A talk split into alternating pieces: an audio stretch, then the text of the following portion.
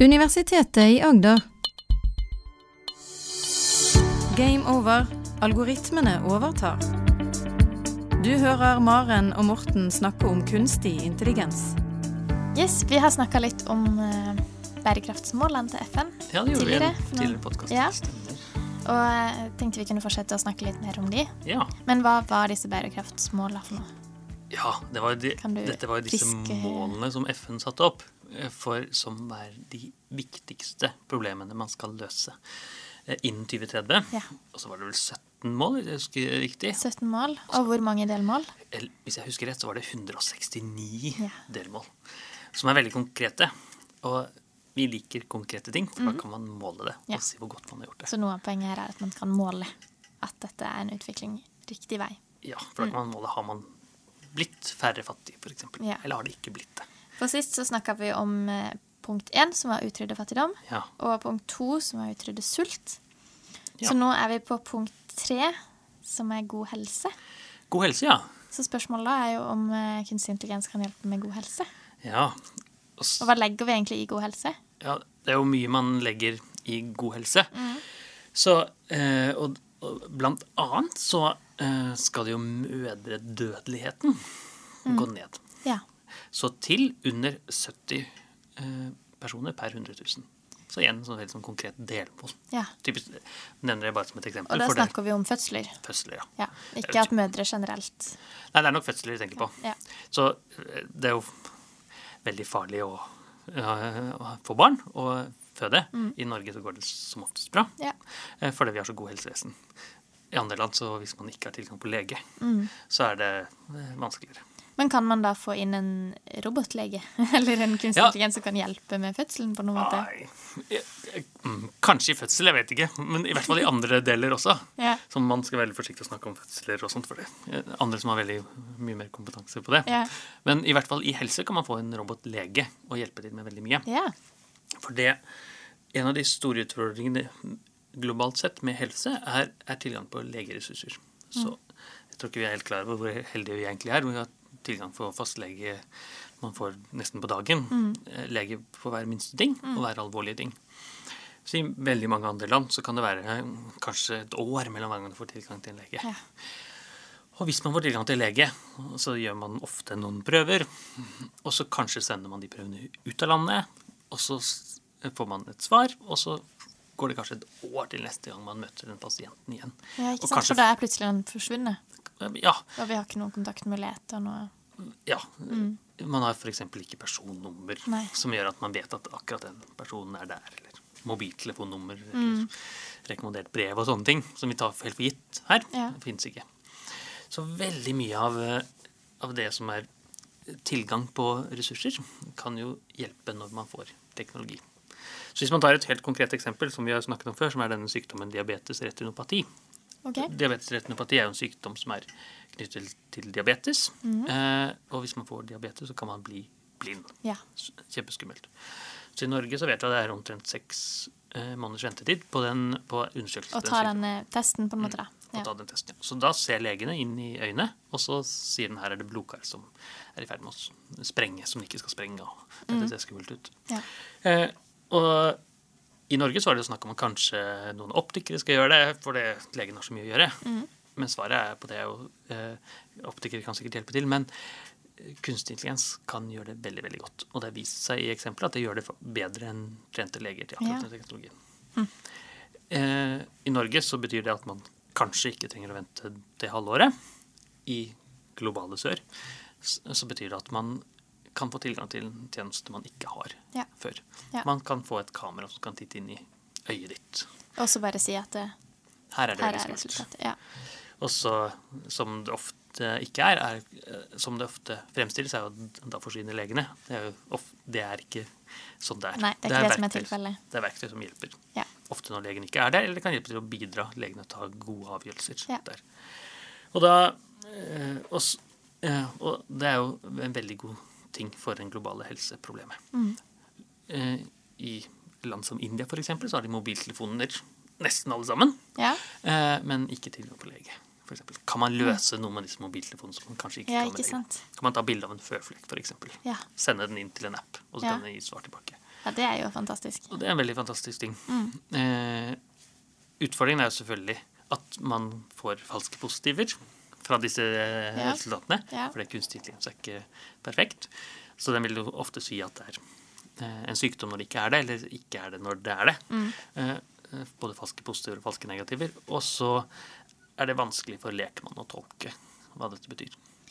Men, hvis- men feil gjør jo leger òg. Er det på et bedre eller dårligere nivå enn legene? Ja, det, det spørs på hva. Ja. I noen sykdommer så er det kunstig veldig mye bedre. ja. I noen sykdommer så er, legene veldig mye bedre. For det er sånn, sånn typisk sånne bildesykdom. Vi har snakka om bildealgoritmer som kan se kreft, f.eks. Typisk bildesykdommer Ja. er de veldig gode på. Ja. Og så er det et premiss til, og det er eh, mengden data. ja.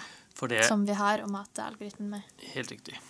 Så i noen sykdommer så er det mye data, for det er en vanlig sykdom. Ja, Diabetes retinopati er et sånt eksempel. Okay. Eh, men hvis man har en rar sykdom, da, en ikke så vanlig sykdom, eller man kanskje har kombinasjon av mange sykdom, da, som er veldig vanlig, kanskje man både har kols og hjertesvikt og diabetes Ja. samtidig, så blir man veldig unik. Og da fungerer ikke kunstig intelligens veldig godt. ok, Så der vi ikke har så mange tilfeller som er Man vil gjerne ha så mye, Eksempler, ja. ja. men gjerne så mye eksempler som mulig Ja. for at man skal trene disse algoritmene. Men en del av historien er jo selvfølgelig at uh, kunstig intelligens gjør feil. Legene gjør feil, men de gjør feil på forskjellige typer data. Ja. Forskjellige resultater. Så hvis en kunstig intelligens sier eh, ikke oppdager min, mitt krefttilfelle, Mm. eh, dumt, så er sjansen for at legen ikke oppdager det, veldig liten. Hvis legen ikke oppdager det, så er sjansen for at kunstig intelligensen ikke oppdager det, veldig liten. Mm. Så det betyr jo da at det er i samarbeidet man egentlig gjør det veldig, veldig, Ja. veldig godt. Man bør ha begge deler. Man bør ha begge deler. Det er det optimale. Men i noen land og eh, noen steder så er det ikke mulig å oppnå begge deler. Og da vil kanskje kunstig intelligens være bedre enn alternativet som er ingenting. Al ja, hvis man spør vil du ha ingenting, eller vil du ha en kunstig intelligens, så er svaret selvfølgelig en kunstig intelligens. Ja. Og så kan det jo bidra de få legeressursene som er der. Det kommer en lege inn i jobbområdet en gang eh, av og til, så kan jo de- den, han eller hun eh, diagnostisere mange flere pasienter på eh, samme tid med disse algoritmene. Ja. Og, og da er det jo knyttet opp mot disse uh, fattigdomsmålene tidligere. Uh, medisin er jo kjempedyrt. Så Ja. hvis man klarer å redusere medisinforbruket, så hjelper det også på fattigdom. Så kanskje kan man eh, også ligge litt mer i forkant.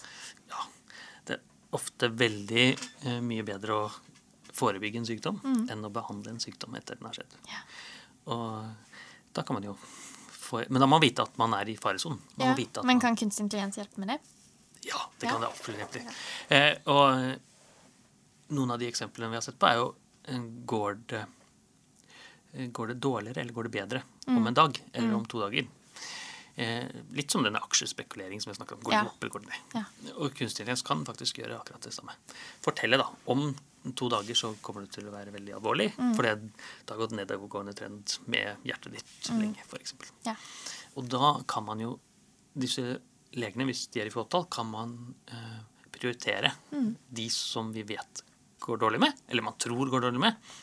Og så kan man bruke mindre ressurser på de man forventer det går bra med. ja. Og så spre ut ressursene litt bedre. Så veldig ofte i, i dag så er det jo sånn at man eh, går til jevnlig behandling hvert halve år eller noe sånt. Man kan jo bruke kunstig intelligens til å si at kanskje ikke du skal møtes hver halvår, kanskje du skal møtes annethvert år. Ja. Mens du skal møtes hver tredje, tredje måned. ja, ikke sant. Veldig forskjell. Er veldig Men vi har jo også andre aspekter med helse enn akkurat disse sykdoms... Eh, dette sykdomsbildet som er al mer alvorlige sykdommer, da. Eh, for vi har jo fedme, for eksempel. Ja. Eller undervekt. Mhm. Som er problemer Ja. vi sliter med i Ja, ernæring, ja. ernæring. Ja. Så ernæring, er ernæring et eget mål, eller skal vi ta det her? Det er kanskje det? Jeg er ikke sikker, jeg. Har du listen over det? Er ernæring? God mat, ja. Kanskje ikke det er det. Men i hvert fall så er jo ernæring veldig nært knyttet til, eh, til helse. Så hva er, hva er lurt å spise, og hva er ikke lurt å spise? Ja, og hvilke tiltak kan du gjøre? Vi har jo eh, ganske mange apper allerede i dag Ja. på, eh, hvor du kan fylle inn hvor mye du spiser av hva, og du kan se hvor, få en oversikt over hvor mange kalorier du har brukt, og hvor mange du har igjen i løpet av dagen. Og det er jo mye sånn. Eh, og smartklokkene våre begynner jo å eh, kunne hjelpe oss, men tror du vi kommer, snart kommer et steg videre med sånn Kunne sett for meg en sånn klokke som bare viser alt hva jeg har spist. Jeg slipper også drive og eh, plotte inn. Utrolig kjedelig å si at jeg har spist eh, en eh, brødskive som veide så og så mye, og med dette på Ja, ja. så og så mange gram. Det er veldig kjedelig å bruke tida si på. Ja, ja. Uh, Kan den bare registrere alt jeg spiser, og så alt jeg beveger meg, og så si at ja, nå er du Du ligger på Dette er bra.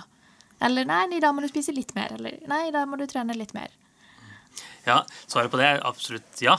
Ja. Og vi har jo jobbet eh, faktisk med det. Vi har jobbet sammen med ernæringsfysiologene her på universitetet. Oi. Og tanken er jo da at ikke, den bare helt av seg selv registrerer hvor mye brødskiva og smøret veier osv., men Mm. at du kan ta en bilde. Ja. For det er mye lettere å ta et bilde av maten du spiser. Okay. Det gjør folk allikevel. ikke Ja. Legger ut på Facebook. Og, mm. Ikke alle, men noen gjør det. Og så kan den forklare at dette er 100 gram brød og 4,4 gram smør og 6,8 gram gulost, f.eks. Ja. Og så kan det selvfølgelig dyttes inn og fortelles at nå har du eh, et kalorioverbruk, f.eks. for Mm.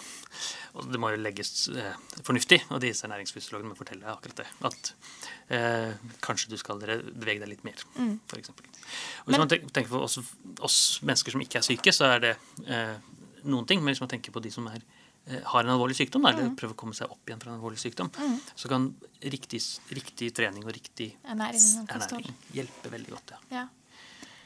Men vil ikke det å være så individuelt? Tenker, Hvis man hadde fått en eh, analyse av blodet, eller liksom Mhm. noe sånn En chip inni hånda hadde jo kanskje vært litt mer behagelig, men eh, noe som bare automatisk ser akkurat hva har du, hvilke eh, sukkernivå har du i Mm. Ja, ja. blodet, og Er det mulig? Ja, ja. Er vi der i dag? Ja, ja, der er vi faktisk i dag. Og- og Diabetes er et sånt eksempel. Så de som har diabetes i Norge, de stikker seg etter hvert måltid, eller jeg vet ikke helt hva det er. Mm. Og så får de en oversikt, og så styrer de insulinet deretter. Så i noen andre land så opererer man inn en sånn insulinsak og måler blodet ditt hele tiden. Mm.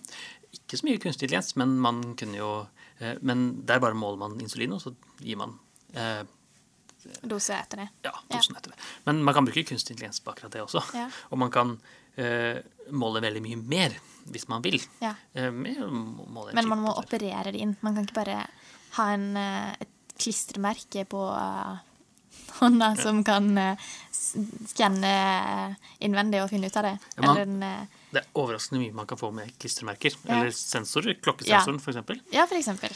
Hudfargen forteller ganske mye. Altså variasjon i hudfargen. Ja. Så hvis jeg er veldig blek en dag, så Ja. forteller jeg litt om blod, eh, blodprosenten min, for eksempel. Eller tida på året. Eller tida på året. Og mye, og mye sånt, selvfølgelig. Ja. Eh, en veldig rar ting skjedde med den ernæringsjobben vi jobbet med. Ja. Så vi tok disse bildene av eh, maten osv. Og, og så fortalte noen av studentene mine at de klarte å helt nøyaktig forutsi hva som var innholdet på kilokalorinivå. Akkurat hvor mye det var i, av smør og sånt på brødskivene. Ja. Og det høres jo veldig bra ut, Ja. Mm. disse appene er jo kjempeunøyaktige i dag. Så det det viste seg, da, var at disse ernæringsfysiologene hadde vært snille med oss at hvert bilde de hadde tatt, så hadde de lagt en liten sånn Post-It-lapp ved siden av. Oh. Hvor de hadde forklart innholdet av bildet. Ja. Istedenfor at de skal gå inn i det Excel-arket som lå med. Ja. At i bildet én lå det ost, og det var 4,4 gram osv. Så, videre. Ja. så hadde de tatt en Post-It-lapp også, for å bare gjøre det litt lettere. ja. Og det kunstig intelligensen gjorde, var selvfølgelig å lese den Post-It-lappen. Post-it-lappen. den brydde seg ikke det døyt om bildet, men Nei. leste bare den. Så, så egentlig så var den kjempedårlig. Ja, den var ikke så Den var ganske bra, men okay. det, det var Ikke så bra som de skulle ha den til. Det ble vanskeligere når vi fjernet Post-It-lappen. Ja. Men veldig godt eksempel på hva kunstig intelligens typisk gjør. da. Ja. Mm. Den finner den korteste mulige vei. Og i dette tilfellet var det å lese Post-It-lappen. Og det er jo smart igjen. Det Det jo, ville jo vi ha gjort. Vi ville jo heller lest den Post-It-lappen enn å veie og begynne å skulle finne ut av hvor mye det er i dette bildet. Men det er helt slaver for den målfunksjonen. da. Ja. Du skal, hvordan får du disse prikkene til å bli 4,4 gram smør? Jo, Den letteste måten er jo å lese den teksten som står der. Ja. Og eh, veldig mange sånne utfordringer skjer jo Mm. i helseverdenen. Så et annet eksempel, eh, som er hakket mer alvorlig, det var i New York, hvor de skulle da sjekke eh, sykdomsforløpet til eh, lungepasienter. Og der var det sånn igjen. eh, Hvis det går dårlig om to dager, så er det fint å vite, for da kan man prioritere deg. Og så viste det seg da at eh, de pasientene som var lagt inn med lungebetennelse på sykehuset, predikerte forut alltid algoritmen at dette gikk veldig dårlig. Det fikk sånn rød kategori. Og det gir veldig mening. For det eh, disse lungepasientene eh, som har lungebetennelse og lagt inn på sykehuset, er det alvorlige tilstander med. Mm. Så viste det da at de pasientene som hadde lungebetennelse og astma, den forutsa algoritmen alltid grønn. Altså her går det veldig bra. Okay. Så hvis du har lungebetennelse, rød. Hvis du har lungebetennelse og Og astma, ja, ja, da, det ikke, da går det bra med deg. så hva tror, du, hva tror du har skjedd der med algoritmen? Kanskje den bare har eh, gått ut ifra at du er vant, kroppen er vant til å ha dårlig eh, Ja, så, lungekapasitet uansett. Nei, jeg vet ikke. det er ikke så langt unna. Så poenget er at de som har astma, de går jevnlig til legebesøk hele tiden. Yeah. De går liksom annenhver uke til lege, eller, mm. har liksom veldig god eh, Oppfølging. oppfølging av legen, og også god forståelse av, av din egen kropp, da, spesielt lungene. Eh, mens de som bare har fått lungebetennelse plutselig og har lagt ned på sykehuset, har mye mindre oversikt. Da. Yeah. Og siden gå til legen ikke var en parameter dyttet inn, så eh, plukket ikke den opp det, da. Nei. For det, det var ikke en del av den dataen som dytter inn. Og, og et alvorlig s- knyttet til det er at når det da i Europa fortelles at vi skal minimalisere datamengden, så betyr det i praksis at hvis jeg skal lage en helseapp som ikke som skal gjøre sånne ting, så skal jeg ikke dytte inn ting som jeg ikke tror er relevant. Sånn som går til legen. Ja. Men noen ganger kan det være, Så kan relevant, det være relevant selv om ikke jeg tenker på det. ja. Og det er veldig vanskelig å sitte to år før Mm, Og si etter dette her Jeg tror ikke om du går til legen eller ikke er relevant. For det kan det være. Ja. Hudfarge kan være relevant, eller masse ting som Ja, kan være relevant. Ikke sant? Og derfor er den dataminimaliseringsprinsippet Mm. noe av det som jeg mener er feil med personvernlovgivningen. Personvernlovgivningen er veldig viktig, men Mm. akkurat dataminimaliseringsprinsippet. Så vi kan sikkert snakke om en hel podkast om det. Ja. Men eh, det det graver vi oss ned på. I hvert fall når det gjelder helse, så er mengden data veldig, veldig viktig. Veldig viktig. For å få det til. Men ehm, hva med da psykisk helse? Ja. Eh, hvordan kan kunstig intelligens hjelpe der? Ja. Eller kan det hjelpe der? Ja, det kan absolutt hjelpe. Og det er flere, flere årsaker til det. Eh, en årsak er eh, den anonymiseringen det hjelper til med psykisk helse. Så hvis man har en eh, psykisk eh, plage I Norge så er man faktisk veldig åpen på det i forhold til andre land. Men eh, selvfølgelig er det en, kanskje nærmest en skam å ha en sånn psykisk helse. Hvis man tenker på eh, alvorlige tilfeller som eh, f.eks. Eh, alkoholmisbruk eller narkotikamisbruk osv. Det kan være kjempeskam man føler. Eh, så det som har vist seg i flere eksperimenter, er at hvis man snakker med en robot, Ja. så åpner man seg veldig mye mer Ja. enn hvis man ikke mens man snakker med et ekte menneske. Hvis jeg har en skam som sier at nå tror jeg at jeg har et alkoholoverforbruk, f.eks., Mm. så er det en kjempeterskel å fortelle det til et annet menneske. Men å fortelle det til en robot ja, er det går mye- bra. er mye lettere. Ja, For den vil ikke dømme deg på noen måte, kanskje? Eller Nei. Så jeg tviler på at psykologer også gjør det. Men Ja. det er et annet, annet menneske. føler at det er et... man eh, føler ja. den menneskelige presset. Da. Ja. Eh, Et veldig kjent eksempel er folk som går hjem, kom hjem fra Irak-krigen og Afghanistan-krigen. ja. De snakket det, Halvparten ble fortalt at eh, den psykologen du snakker med nå, den er en ekte psykolog. Det sitter en robot her, men bak den roboten så sitter en person. Ja. Og så den andre halvparten ble fortalt at her er det bare en robot. Og selvfølgelig var det sånn at de som snakket med en robot, åpnet seg veldig mye mer. ja. Akkurat samme eksperimentet, men de ene trodde det var en robot. Så psykisk helse kan det hjelpe veldig mye mer på. Ja, det er jo veldig bra. Det er jo kjempepositivt. Og vi forsker faktisk på akkurat det, sånne type psykiske roboter, spesielt knyttet mot unge. Kan det være sånn at man kan hjelpe til med enkle utfordringer med en robot? Å ta det tidlig. Og ta det tidlig, ja. Men kan roboten da svare den og gi den en tilbakemelding som er fornuftig? En, eh, Det er jo det som er ambisjonen, da. Ja. Eh, fallhøyden er jo kjempestor, for hvis den ikke gjør det, så kan det være kjempeskummelt. ja. Eh, det finnes masse tjenester i dag. En sånn tjeneste som er kjempegod, heter ung.no. Unge kan sende inn spørsmål om hva som helst.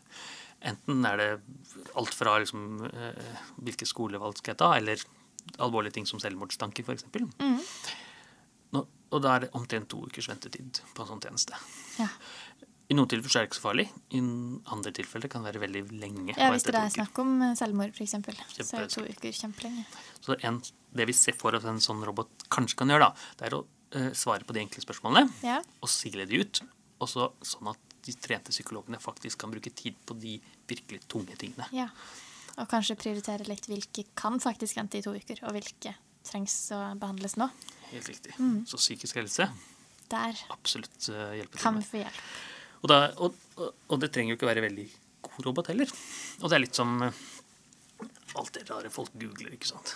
Eh, Man googler masse rart fordi det er anonymt og fint. Og, Mm. eh, dagen etter brexit var det mest googlede spørsmålet 'What is the European Union?' I- Kjempedumt spørsmål.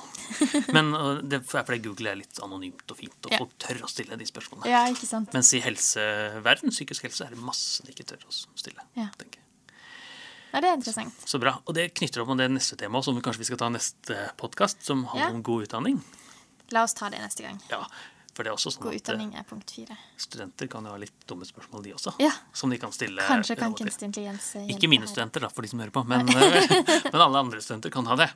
Og, det. og det kan man stille en robot, kanskje. Ja. tenker jeg. Men da, om, jeg vet ikke om det er neste uke eller om noen uker, så snakker vi om, om god utdanning som er bærekraftsmål nummer fire. Det gjør vi. Det tar lang tid, disse bærekraftsmålene, men de er viktige og store. Ja. La oss ta de litt sånn litt innimellom. Ja, så bra. Du hører Maren og Morten snakke om kunstig intelligens. Har du spørsmål til Maren og Morten, send en e-post til gameover.alfakrølluia.no. Du har nå hørt en podkast fra Universitetet i Agder. Du finner flere podkaster fra UiA på uia.no podkast.